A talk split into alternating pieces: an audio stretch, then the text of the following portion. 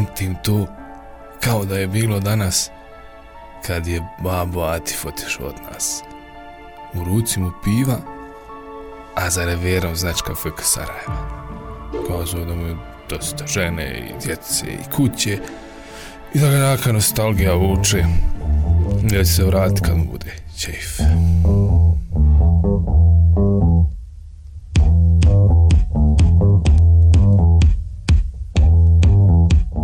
Krenete li šetati ulicama bilo kojeg grada u Bosni i Hercegovini, pa i od Vardara pa do Triglava, velike su šanse da ćete iz kafića čuti rock muziku nastalu u prošlom stoljeću.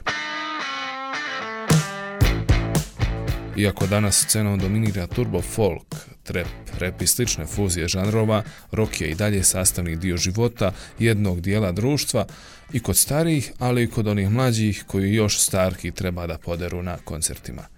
Ja sam Alen Bajramović, a u novoj epizodi podcasta Glaso mladih razgovaramo o jugoslovenskom rock'n'rollu, kako se danas cijeni, šta mladi danas slušaju i imaju li prilike za rock stvaralaštvo. Da i dalje živi potvrđuje Exiu Rock Centar, smješten u Sarajevskom domu mladih koji nastoji jugoslovensku rock scenu, približiti mladima i strancima i istaći je kao jedan od najboljih svjetskih rock pokreta, odmah poslije britanskog i američkog. A ideja za osnivanje jednog ovakvog centra dolazi od Amerikanca, Vila Richarda, koji se nakon dolaska u BiH zainteresovao za našu eksiju scenu i zaljubio u muziku zabranjenog pušenja, EKV-a, Azre, Majki i ostalih. Will Richard već duže od deceniju živi i radi u Bosni i Hercegovini, a kada bi se vraćao u Ameriku, redovno bi slušao podcaste Radija Slobodna Evropa kako ne bi zaboravio naše jezike. Will, dobrodošao. Hvala za poziv i super je za mene da budem ovdje sa vama. Vi ste idejni tvorac Exio Rock centra. Šta je bilo to što vas je motivisalo i natjeralo da počnete razmišljati o jednom takvom centru, o jednom takvom projektu? Došao sam ovdje u BH, ne znam, prije 14-15 godina i kad sam došao ovdje, iskreno nisam znao ništa o Exio Rock. Nisam čuo Bijelo dugme, nisam čuo EKV, Hauser, ništa. I onda malo po malo počeo sam da slušam i nisam mogu da vjerujem. I znaš, nema samo 10-20 grupa, ima stotine, može i hiljada grupe iz bivše Jugoslavije i za mene kvalitetna muzika je nevjerovatna. Koji vam je najdraži band? Majke, 100%, daleko za mene najumiljeniji i znaš, od prvog album 90. do posljednji ovaj prije 3-4 godine, majke je nevjerovatno. Kako sam ja shvatio istraživajući malo o vama, vaš otac je imao prodavnicu ploča. On, on je imao prodavnicu ploču 40 godina. Prodavnica je bila super. Imam kako se kaže, super memories od, od prodavnice da, da. ploče i odrasao sam tamo i slušao sam puno vrste muzika i za mene to je veliki utjecaj na mene. Da, da, baš to što ste spomenuli, bili ste okruženi muzikom tokom vašeg odrastanja i vjerujem da je tu vaš uh, muzički ukus i sazrio.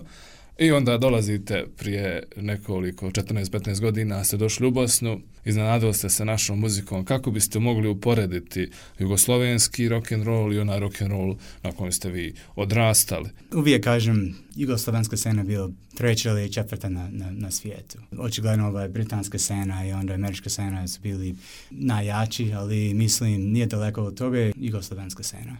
Mislim u 80. više od hiljada grupe. I samo u Sarajevo prije rata je bio više od sto. Mnoge vrste žanrova, od punk do metal, do pop, do nešto kao SCH, neki mhm. noise, experimental. Zašto mislite da je jugoslovenska rock scena bila nekako treća ili četvrta po redu, kako kažete, nakon britanske i američke? Šta je ono što stvara taj osjećaj, odnosno da li imaju neke brojke koje govori u prilog tome? Očigledno, ovaj, da kažem treća ili četvrta na svijetu, to je subjektivno. Mm -hmm. Ko pitaš druge, možda ne misle isto, ali u mom mišljenje scena iz Jugoslavije je bilo baš kvalitetno. Svaki dan imam opcija na YouTube ili na Spotify da slušam šta, šta volim i uvijek dolazi do Exu Rocka. I onda mm -hmm. za mene ovaj, jugoslovenska scena je bila nevjerovatna i, i još uvijek nevjerovatna. Nije završio u 90. još uvijek ima dobre grupe, dobre scene u BH, u Srbiji, u Hrvatskoj, Sloveniji i tako dalje. Rock and roll je živ. Pa, naravno.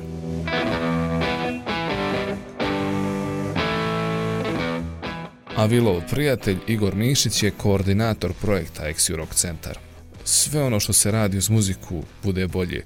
Ovaj centar pun je muzike i zemlje koje nema više raznih predmeta, ploča jugoslovenskih bendova, starih ulaznica i plakata za koncerte i još mnogo toga. Vrijeme je i da čujemo kako je bilo prikupiti sve te stvarčice i zašto nekadašnji rok sa ovih prostora nazivaju trećom rock and roll scenom na svijetu. Igore, hvala ti što si nam došao. Hvala tebi, Aleme, na ovom gostovanju i prilici da nešto više kažemo o Exurok centru. Odnosno, ajmo reći da kažemo sad i nešto novo. Odlično, odlično. Jedva čekamo da čujemo.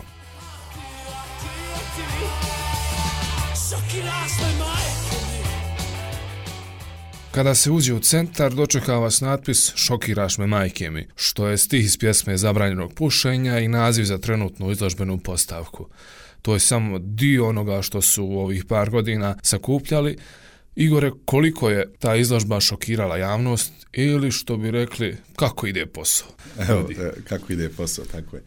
Uh, šokiraš me majke mi u stvari bio jedan uh, moderno reč brainstorming uh, više nas okupljeni oko ove ideje dakle, grupice volontera, što iz Bosne i Hercegovine, što iz ljudi iz prijetežno Sjedinje američkih država i jednostavno razmišljali smo kako će nam se zvati izložba. Budući da se izložba oslanja i prikazuje Sarajevsku scenu od 80. 1980. Eh, do 1992. godine, što su, hajmo reći, neka zlatna doba Sarajevskog, ali i jugoslovenskog ex-juroka, odnosno jugoslovenske scene. Nakon prirodno nam je bilo, budući da je najsarajevski, hajmo tako reći, band, i nakon indeksa je bilo dugmeta, valjda, valjda zabrano pušenje. Tako da je uh, stanje šoka pjesma koju je napisao Davor Sučić ili poznati kao Seo Saxon, bilo nekako šokantna neka, jer smo stvarno htjeli nazivom šokantna šokirati uh, posjetioce. Mi smo ga to uredno pitali i to je isto tako nešto što želim da uh, podvučem. Sve ono što vidite u Exu Rock centru ima neku glavu i rep po pitanju autorskih prava. I u duhu toga, evo, čak smo jednu zahvalnicu Davor Sučić, odnosno Sej Seksonu, uh, poklonili koncertu. na koncertu. Food, food Market, market da, da, da. Food Market, bilo oko 3000 ljudi. Tako evo, posjetioci nadam se da se šokiraju što od naziva, što od onih neonki koji ih dočekaju na početku, pa onda onaj mrak koji uđu i onda kada se ona onaj a, naš zastor, naša zavjesa, a, mi, mi je uredno a, svim posjetiocima onako nekako je razastremo, da, da se osjećaju dobrodošlo. Da kad uđu taj dio sa svjetlom, sa svim tim display case-ovima, sa svim tim uh, artefaktima, onako poprilično se šokiraju. Odgovor na tvoje pitanje, da, da šokiraju se. Šokiraju se, majke. e, majke. da, da, da. A kako je tekao taj proces prikupljanja tih svih stvarčica, artefakata uh, u, u, u centru koji se sada mogu naći, a koji podsjećaju na ono što je nekada bilo, kako kaže, zlatno doba ex rock scene? Mi to nazivamo proces. Ja moram da naglasim da mi nismo, hajmo reći, profesionalci. Kad kažem nismo profesionalci, nismo profesionalci u pogledu svega onoga što bi trebalo da se veže uz djelatnost prikupljanja artefakata, muzejsku djelatnost, organizaciji izložbe ili tomu slično. Dakle, mi smo ljudi, entuzijasti, volonteri koji prvosodno vole rock and roll, vole ex-Jurok i željeli smo nešto doprinijeti društvu da se ta muzika skloni od zaborava, mada je to meni poprilično gruba riječ jer ex-Jurok daleko od tog da je zaboravljen. Mm -hmm. Sve ono što smo radili je otprilike bilo po prvi put. Kako je to ispalo, to je na vama i na posjetiocima da kažete, ali s druge strane, kroz taj cijeli proces pa i prikupljanje artefakata, mi smo morali da budemo, da brzo učimo. Tako i da ta iskustva su bila vrlo teška za saznat kako pristupiti, jer tu na primjer prikupljate artefakte prvo od muzičara, ali jednako mnogo artefakata prikupite od ljudi koji apsolutno nisu bili dio scene, nego su bili, hajmo reći, samo fanovi, ali koji su bili zaluđenici te muzike, skupljali su karte, vodili dnevnike, dobili smo jedan nevjerovatan dnevnik, je jedna gospođa prikupila, odnosno dokumentirala sav svoj, ja to moram nazvat, život koji se odnosio na njen ljubav prema Exu Rock. Svi koncerata, pa onda svi zapisa, kad je šta bilo, kad mi je Vil, eh, moj kolega, kad mi je to pokazao, ja sam doslovno rekao, Vil, ovo je malo izvan našeg domena. Mene je malo strah da, da, da, da. diram to. Tak, tako sam se osjećao. Jer sam, jer sam osjetio da, da u rukama držim nešto vrlo vrijedno, jedan dokument jednog vremena koji prije svega treba biti skeniran, ne znam, treba se konzervirati ili šta sve još, ali evo, dijelovi tog uh, dnevnika ima, imamo u Exu centru. Taj miks ljudi kojim, s kojima mi surađujemo, koji, bendovi, muzičari, producenti, fanovi, srednjoškolci u to doba. Na primjer, imali smo priliku da nam, sad čovjeka, tada momak iz fotografske sekcije u drugoj gimnaziji, dakle on je bio fot, u fotografskoj sekciji. U drugoj gimnaziji u kojima su nastali, evo, ključni bendovi uh, sarajevske scene, on je imao priliku u momentu kad su ti bendovi nastajali da bukvalno slika, odnosno fotografiše njih u nekim situacijama koje zaista nisu poznate danas. Ono, u holovima srednje škole, u backstage-ovima, ajmo reći, najveći sarajevski rupetina tada. Da, u nekim ova, momentima kada oni nisu isto znali da će... Ma, apsolutno. Evo, pomenuo si se Seksona, gospođu koja je donirala svoj dnevnik, fotografa koji je zabilježio na svakidašnje momente svih tih sarajevskih bendova iz druge gimnazije. A ko se još priključio projektu i šta se sve može naći tamo? Pretpostavljam da su to u pitanju neke vrijedne uspomene i predmeti koji sigurno imaju ogromnu emocionalnu vrijednost njihovim vlasnicima, ali također i nama koji nismo svojim očima i ušima doživjeli to doba. Imamo tu karte, imamo tu postere. Dakle, to su posteri koji su unikatni, koji su vrlo vrijedni. Pa, na primjer, do odjeće muzičara. Ako je danas, na primjer, Dino Merlin, ja moram reći svjetski poznat, ali evo, mm -hmm. ako ga možemo smatrati jednim od najviše kreativnih osoba po pitanju mode, e kada nam jedna takva osoba posudi, odnosno za, za naše potrebe, da a, svoj prvi outfit. U tom momentu, kad smo to završili, smo se osjećali posebno. Osjećali smo se da naš Exu Rock centar i naša izložba je za korače jednu stepencu više. U početku smo te predmete prvo odlagali u jednu zaključanu sobu, pa je onda bio zaključani dnevni boravak, pa sad evo imamo i, i vitrine, odnosno display case koji su poključeni, koji su vrlo profesionalne. I sav taj proces prikupljanja svih tih vrijednih artefakata nas tjera da mi podižemo razinu i nivo i način odlaganja i čuvanja, pa su nam evo bili kolege iz, iz uh, Muzeja djetinjstva u ratu, gdje su nam dali jako puno nekih savjeta, jer su praktično i oni počeli da, od neke... Na neki način ste kolege. Od, od nule, pa mogu tako reći, od nule su evo došli su do nekog nivoa koji je svjetski nivo, što dokazuju nagrade i pritom im čestitam na tome.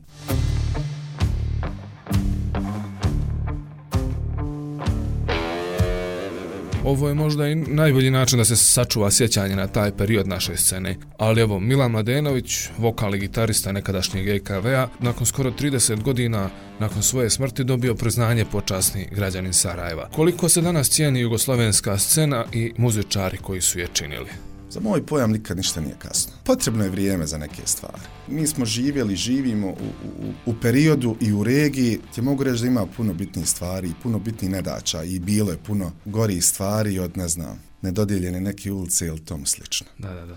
Ja sam to počeo razumijevati na taj način. Treba neko vrijeme da nešto odstoji, da nešto da nadođe, se da se slegne, da, da nadođe. E, tako da s te strane ja sam siguran. Od Balaševića pa evo murale Davorinu Popoviću, to je to jedan ogroman divan mural u centru grada. Sve su to neke kockice koje se slažu, a gdje se mi vraćamo tim vrijednostima poštivanja i štovanja likova i dijela tih likova. Cijeni onaj ko, ko želi da cijeni, nekad je to malo manje, evo sad osjetimo da je to malo više. To je proces. Sve što sam naučio u muzici zadnjih, ne znam, desetak, 15 godina, je da, da je muzika jedan ciklus koji se uvijek nekako vraća.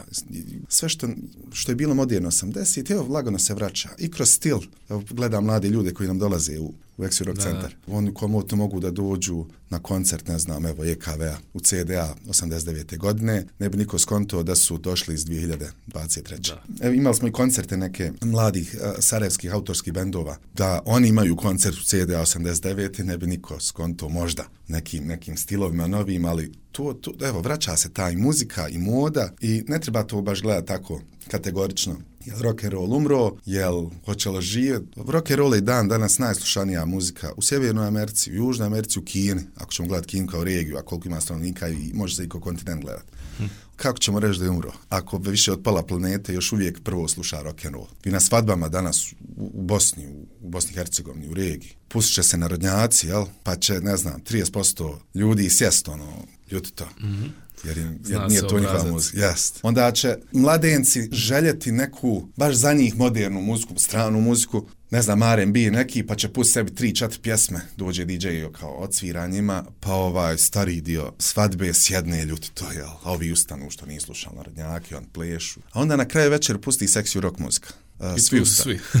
svi ustanu. Pa zar to nije jedan divan pokazatelj šta je nama rock and roll muzika? Da, imali smo jednu jaku scenu iz američke i engleske pop rock i hard rock scene, treću najjaču i to ne samo zato što mi tako mislimo, brojke to pokazuju, moramo svi shvatiti da je to bilo jedno tržište koje je imalo više od 30 miliona ljudi, pa onda tu bila neka i ta diaspora, jel? Pa samo da smo na engleskom pjevali, divlje jagode bi bile, ne znam, divlje jagode bi bili Beatlesi. Hoću mm -hmm. reći, s te strane imali smo kvalitetnu muziku, a kada prođete sad kroz izložbu i pogledate kako se ti rockeri oblačili, ima jedna fotografija Milomira Kovačevića strašnog, fotografija je, uh, imamo 20 njih, ali evo jedna od njih je, na primjer, imamo Plavi Orkestar, imamo uh, Zelata Lipovaču iz 80-ih. Kada stranci dođu, oni apsolutno misle da su to neki zapadni rockeri imali koncert u Sarajevu. Pa pitaju, a koji je ovo band? Pa ja kažem, Plavi Orkestar, what?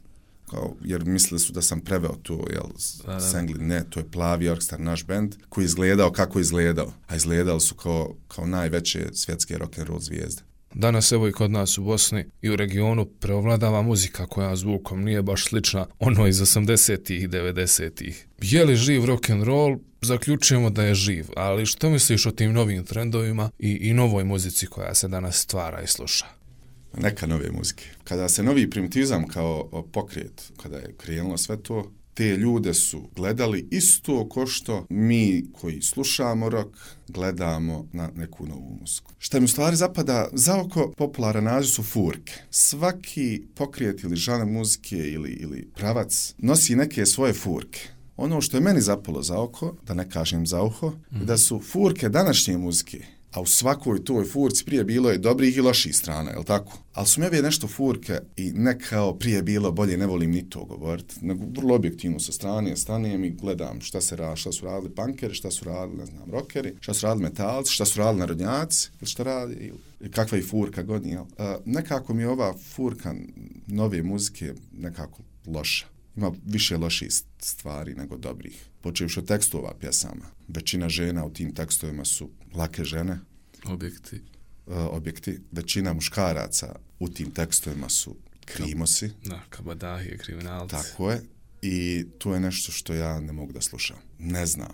Jedo majka je imao neku novu, novu muziku u to vrijeme, ali mi je pružio nezaboravne tekstove, ne samo socijalnih tema, nego i ljubavi, da, da, da, da. mržnje, mnogo nekih tema koje kada ih slušamo, to je muzika, ja sam bio srednja škola kad izašao Slušaj mater album Jede majke. Tad sam trenirao košarku i mi smo, mi smo slačionci samo slušali Jedu majku. Ja sad mogu s ove distancije reći da je to nas i nek, neki način nadogradilo uh, du, duhovno ili tom slično. To su bili tekstovi koji su bili duboki, gdje smo mi kroz tekstove naučili uh, o ljubavi, o mržnji, o ratu, o, o, o, o nacionalnim razlikama. U kontekstu toga mogu reći u stvari na posjetiocima u Rock centru, to su mladi ljudi, to su tiši mladi ljudi, ne čuju se toliko, ne iskaču na TikToku. Postoji još jedna armija uh, mladih ljudi koja će sigurno uz taj trep i, i zaplesati, to nije problem, ja zaplešem ali da neće svati taj tekst kao neki pravac prema kojem se moraju kretati. Da, nećemo biti vodlja. Ili Nego ovaj. će mu vodlja biti tekst Balaševića.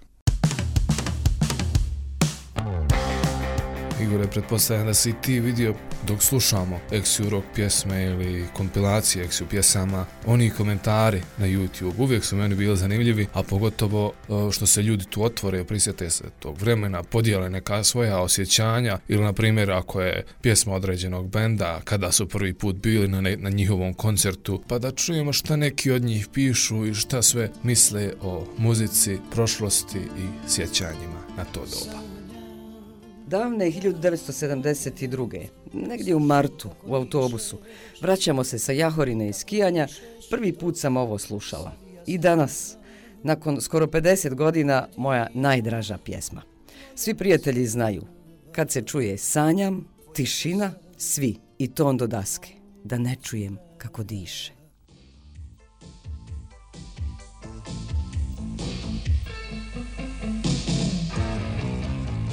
Sa 19 godina odem na njihov koncert. Koja je to ludnica u Jugi bila? Kakvi Beatlesi i Lennon? Dolazi Bregino dugme. Nažalost, zbog nekoliko loših ljudi, današnja deca ne mogu da osete ta prelepa vremena. Jugoslavija moja, bila si najjača. Predivna muzika, neprolazna za sva vremena, svima u srcu. Podjele su ono najgore u ljudima, Uvijek Jugoslovenka bila i ostala gdje god da živiš. Čujemo da se često ističe ta besmisao sukoba i ratova na ovim prostorima. Šta misliš da li, da li ova muzika može ujediniti ljude i stvoriti neke zajedničke vrijednosti koje će da prevazilaze sve razlike?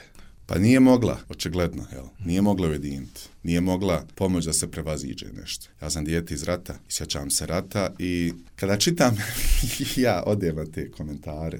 Ispod. Mm -hmm. Puno je ljubavi, puno je bratstva jedinstva, puno je svega onoga čega je trebalo, ja mislim, više biti 92. Svi ti komentari su plod najviše nostalgije za nekim vremenima kojim su tim ljudima bila bolja vremena. Ja želim reći da su meni ovo najbolja vremena i želim da živim život u kojem je, mi je sad najljepše. Iako isto tako znam vrlo dobro i od mojih roditelja i od svih drugih izvora, da je, evo, a držat ćemo se teme, po pitanju muzike i rock'n'rolla, to bilo najbolje vrijeme. Procvat rock'n'rolla 70-ih, 80-ih, nije se desio džabi, nije se desio iz vedrane. Već 50-ih i 60-ih godina, što je bilo poprilično uobičajeno za sve komunističke zemlje, budući da u svakoj komunističkoj zemlji se umjetnost i sport poprilično, hajmo reći, gurao jedno zbog discipline, jel, kao sport, pa su svi gimnastičari ti dobri iz istočnih mm -hmm. zemalja, odnosno komunističkih zemalja, i kultura kao, rečemo, alat koji je mogao da služi uh, da bi se doprilo do svih masa. Tako da su i u najmanjim mjestima pravljeni, odnosno otvarani domovi kultura, uh, gdje je bio, ne znam, gitare, gdje su bili gitare i bumen. Moj otac je sa sela iz Posavne, sa sjeverne Bosne, mm -hmm. pa mi on priča, on je 47. godište i on priča kako su 60-ih, kako je u Donji Hasić njegovo selo, gdje u principu najviše što ljudi drže su krampa i lopata, jer su to bili zemljoradnici, stvari, došla je gitara. Tako da s te strane, ako jedan donji has mog oca došla gitara, zamislite onda što je dolazilo u centra, u Sarajevu, Beograd, Zagreb, Split, jel? Tadašnja država investirala u takve stvari. Zbog tog nam je rock and roll eksplodirao 70. i 80. godina. Mi želimo da budemo također jedna vrsta takve platforme gdje će djeca, omladina, stariji, kogod, kome god se svira, moći doći, ono, izdrljati svojih dva sata za svoju mm -hmm. dušu, može iz toga izaći neka autorska muzika.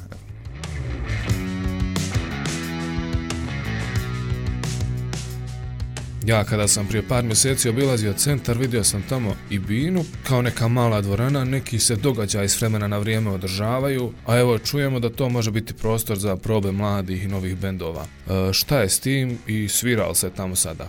Problem je prostor. Mi smo trenutno u Skenderi, imamo jako fin prostor, međutim, naše aktivnosti se, hajmo reći, a to smo dobili smo tu informaciju oficijalno Skenderije, naše aktivnosti se kose sa njihovim programima. Dakle, s te strane mi imamo izložbu, međutim, vi od izložbe kao izložbe ne možete platiti račun za rentu i za grijanje i za jako puno drugih stvari. Uz to želimo organizirati uh, evente, odnosno događaje, uh, koji su pod jedan u skladu s našom vizijom, a to je ne samo čuvanje od zaborava stare scene i stare muzike, nego formiranje platforme gdje će se praviti nova muzika, dakle nova dodana vrijednost umjetnosti. To se može samo ako se na našem stage koji smo mi napravili već budu, mogu održavati koncerti. Održali smo ih 4-5. Međutim, sad za sad koncerata teško da će biti u idućem periodu. Shodno tome gledamo i neke druge prostore. Evo, nadam se da će u idućem periodu pod jedan, i ovo sam morao stvarno reći, doći do iznalaženja načina kako se jedan ex rock centar može uklopiti u Skenderiju, a da to nikome ne bude smetnja. Mi smo neprofitna organizacija koja sa svoj prihod dalje ulaže u razvijanje kolekcija, razvijanje Xurac centra. Shodno tome, apelujem ovom prilikom i sve, sve levele u gradu, mm -hmm. u kantonu, u državi, da nađu model gdje bi se mi, a postali smo već, hajmo reći, neka relevantna institucija, a mogla uklopiti u neki prostor i da može sprovoditi neku svoju viziju. Jedini naš uslov da bi nastupali mladi bendovi su da stvaraju svoju autorsku muziku. Naravno, uradit ćeš neke kavere da bi pokrio idući, ne znam, 45 minuta, ali hajde kad tih osam pjesama završite, ne samo da ćete doći ovdje u rad koncert, nego ćemo istiniti, na primjer, spot u ex Rock centru. Na taj način ih i mi motiviramo da rade svoju muziku kakvog je još sadržaja planirano za one koji igraju za raju i zanemaruju taktiku? Uradili smo jednu izložbu o Beogradskoj grupi Idoli, dakle 40 godina albuma odbrane i posljednji dani Beogradske grupe Idoli. Po mnogima, jedan od najboljih albuma ex roka svih vremena. I vjerujte, evo za novu godinu dolazilo nam jako puno turista iz regije. I vjerujte mi, kada dođe turista iz Beograda i prođe svu tu izložbu Šokiraš me majke Sarajevske scene, koja je fascinantna njima, I kada završe, a onda ih dočeka u stvari izložba benda iz njihovog grada. Na licima tih turista možemo vidjeti da im je jako drago što je bend iz njihovog grada na izložbi u Sarajevu. I da se i u Sarajevu poštuje, a po meni se nikad nije ni prestalo poštovati muzika iz Beograda i da mi nemamo problem u Sarajevu da stvarno radimo izložbe, evo iduća riječka mm. scena, i radimo na, na tom principu da regionalnu muzičku scenu predstavimo. Biće neke promocije knjiga, bit će, sad organiziramo izložbu mladog umjetnika iz Foče, gdje će, ali ne bi sad se otkrivo, gdje ćemo 40 njegovih radova, 40 rock'n'roll faca mm. predstaviti. Kao portret? Kao portreta, jest. Ono što mi je iznimno drago i ponosim se tim da nas je čovjek sam kontaktirao. Dakle, to je ono što mi želimo postati. Platforma gdje će nam se umjetnici, mladi ljudi javljati sa svojim idejama da ih zajedno s nama implementiraju i time oni postanu vidljivi. Dakle, što zaključujemo, Maršal nije crko, Maršal pojačalo se čuje i do Foče, i do Beograda, i Zagreba, i svugdje. Ma čuje se do Italije, da... do Singapura. I na kraju, evo da se malo vratimo u sadašnjost iz ovih 80. i 90. godina, koliko je Exiu Rock pokreti sve što je nekako išlo uz njega u pogledu ostalih umjetnosti, koliko je to imalo utjeca na postdejtonsku ili postjugoslovensku scenu u Bosni i Hercegovini?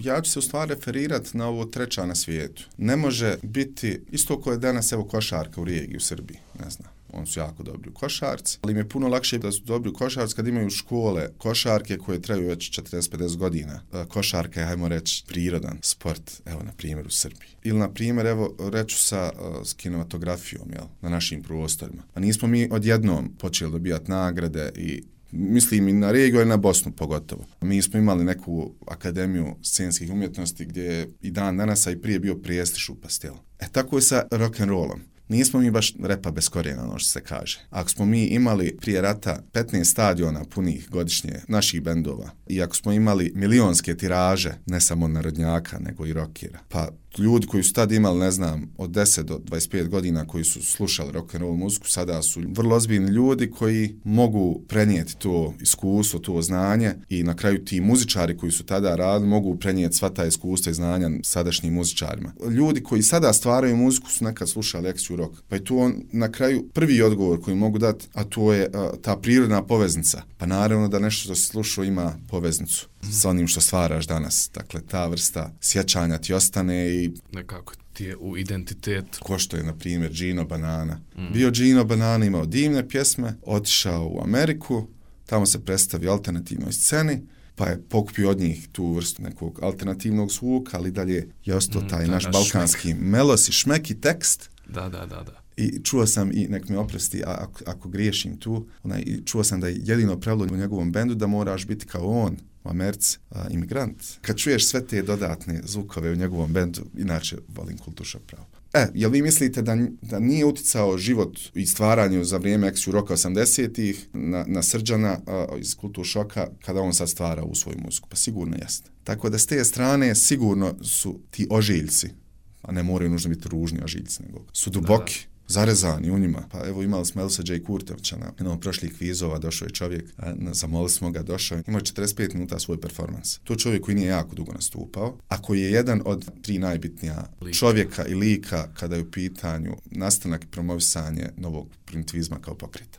On kad izašao na bijen, ja, ono što je se ta desilo, da su ljudi, njega, ne on je najavljen kao jel, veliki humanista, zvijezda, 50-60, 70-80 i onda su svi zajedno u glas bez ikakvog dok, mislim, kviz je, ljudi su došli igri kviz. Cijela dvorana ex rock centra je počela u jedan glas da pjeva Elvis, Elvis, Elvis, G, Elvis, Elvis, Kurtović. Elvis, Elvis, Elvis, G, Elvis, Elvis, Kurtović.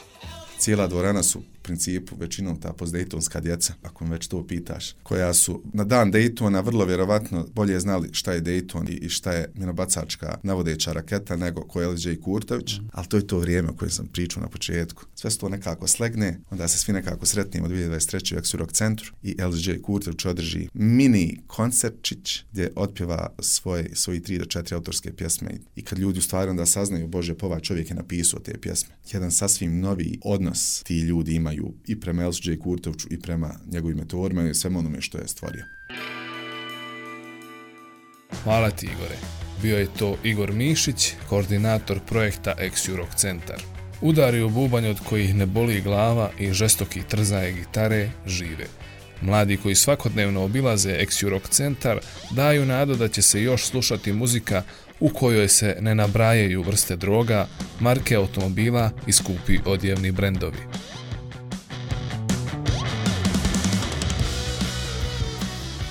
I da vas podsjetim, prethodne epizode našeg podcasta možete naći na našem sajtu ili na podcast aplikacijama. I druge sadržaje također možete pronaći na sajtu slobodnaevropa.org, na društvenim mrežama, Facebooku, Twitteru, Instagramu i YouTubeu. Ja sam Alen Bajramović i pozdravljam vas. Ćao!